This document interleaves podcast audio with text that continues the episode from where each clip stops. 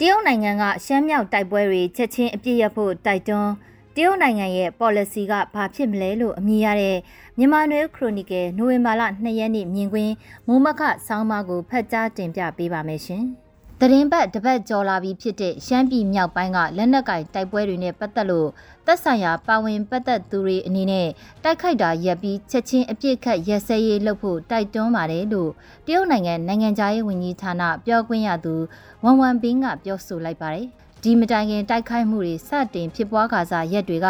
တရုတ်နိုင်ငံကပြောခွင့်ရတဦးကလည်းသတင်းစာရှင်းလင်းပွဲတစ်ခုမှာအပြစ်ရက်စဲကြဖို့ပြောဆိုမှုတစ်ခုရှိခဲ့တာဖြစ်ပါတယ်။အခုပြောဆိုမှုဟာ ဒုတိယမြောက်ပြောဆိုမှုဖြစ်ပါတယ်။မြမရေးနဲ့ပတ်သက်တဲ့တရုတ်နိုင်ငံရဲ့မူဝါဒအပေါ်မှာမြန်မာနိုင်ငံအတွင်းမှာအစိုးမြင်ကြတဲ့သူတွေအများစုဖြစ်ပြီးအခုလိုတရုတ်နိုင်ငံကတိုက်တွန်းလိုက်တဲ့အပေါ်မှာလဲတရုတ်နိုင်ငံက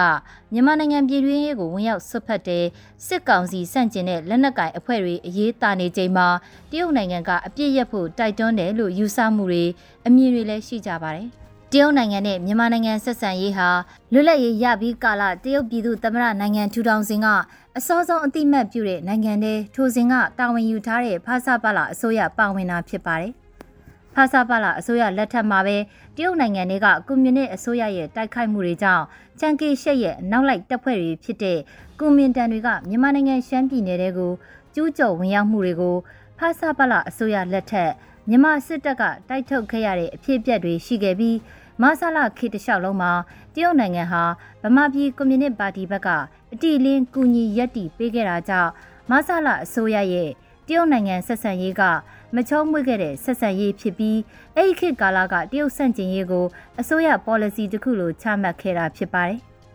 1988ခုနှစ်နောက်ပိုင်းမှာတော့တရုတ်နိုင်ငံဟာနဝတနာအဖအစိုးရနဲ့ကောင်းမွန်တဲ့ဆက်ဆံရေးရှိခဲ့ပြီးတော့ကုလသမဂ္ဂမှာမြန်မာစစ်အစိုးရကိုကာကွယ်ပေးတာလက်နက်ရောင်းချတာတွေရှိခဲ့တာကြောင့်တရုတ်ဆန့်ကျင်ရေးကအစိုးရမူဝါဒမဟုတ်ဘဲ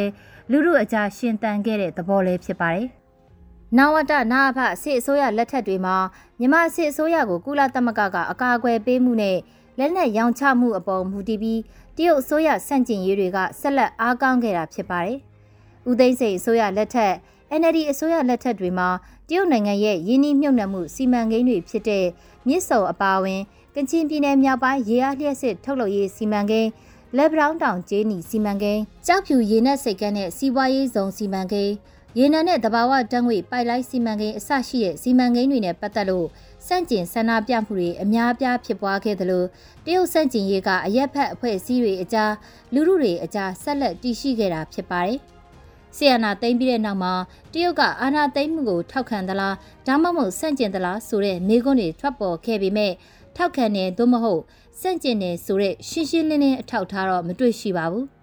တရုတ်ကွန်မြူနစ်ပါတီက NLD ပါတီကိုဆက်ဆက်ရေးထိမ့်သိမ်းထားခဲ့ပေမဲ့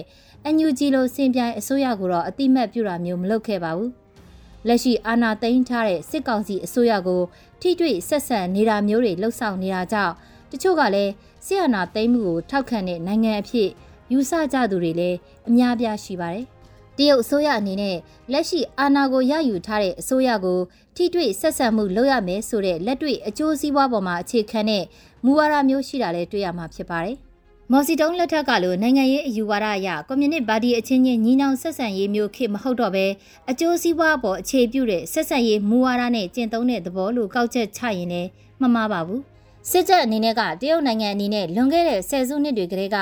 ၎င်းနဲ့နယ်နိမိတ်ထိစပ်တဲ့ဒေသကတိုင်းရင်းသားလက်နက်ကိုင်အဖွဲ့တွေအပေါ်မှာဩဇာရှိခြင်းလက်နက်နဲ့လက်နက်နီးပညာတချို့လွှဲပြောင်းရောင်းချပေးခြင်းတခါတခါစစ်တပ်နဲ့ငြိမ်းချမ်းရေးစကားပြောဖို့ဖိအားပေးခြင်းစတဲ့အခြေအနေတွေပေါ်မူတည်ပြီးတရုတ်နိုင်ငံကိုစစ်တပ်ကခဝေးဝေးကနေဆက်ဆံနေတဲ့သဘောမျိုးတွေ့ရမှာဖြစ်ပါတယ်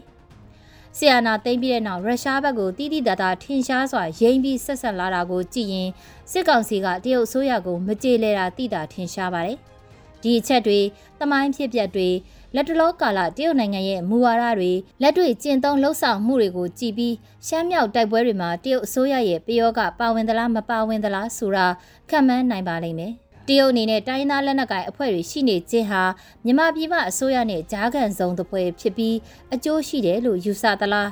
ဒါမှမဟုတ်နယ်နိမိတ်ထိစပ်နေတဲ့နယ်မြေတွေမှာလက်နက်ကိုင်အဖွဲ့တွေအားကောင်းနေခြင်းဟာရေရှည်အမြင်ရနေဆက်ဒေသမတည်ငြိမ်မှုကိုဖြစ်စေတယ်လို့ထင်မြင်ယူဆမလားဆိုတာအကဲဖြတ်ဖို့လိုအပ်မှာဖြစ်ပါတယ်။တရုတ်နိုင်ငံအနေနဲ့တော့မြန်မာနိုင်ငံမှာပြည်တွင်းစစ်အရှိန်မြင့်တက်လာတာမျိုးကိုလိုလားမှာမဟုတ်ဘူးလို့ရေဘူးရယူဆနိုင်ပါတယ်။ ကုံသွယ်ရေးယူနန်ပြည်နယ်လိုအနောက်တောင်ပိုင်းပြည်နယ်တွေရဲ့အိန္ဒိယသမုဒ္ဒရာထွက်ပေါက်ရေနံနဲ့တဘာဝတန်းငွေတင်သွင်းဖို့အနည်းဆုံးလမ်းကြောင်းခပတ်တကွင်းလန်ဒစင်မဟာဗျူဟာရဲ့အစိပ်ပိုင်းတစ်ခုစတဲ့ရှုထောင့်တွေကကြည့်မယ်ဆိုရင်တရုတ်နိုင်ငံအနေနဲ့မြန်မာနိုင်ငံထဲမှာလက်နက်ကင်ပဋိပက္ခတွေအရှိန်မြင့်လာမှာကိုအားပေးမှာမဟုတ်ပဲ၎င်းတို့အနေနဲ့ထိတွေ့ဆက်ဆံနိုင်တဲ့ယုံကြည်ရတဲ့မဟာမိတ်ဖြစ်တဲ့အစိုးရတရက်အာဏာတရက်နဲ့သာဆက်ဆံလို့မှမလွဲဧကန်ဖြစ်ပါတယ်။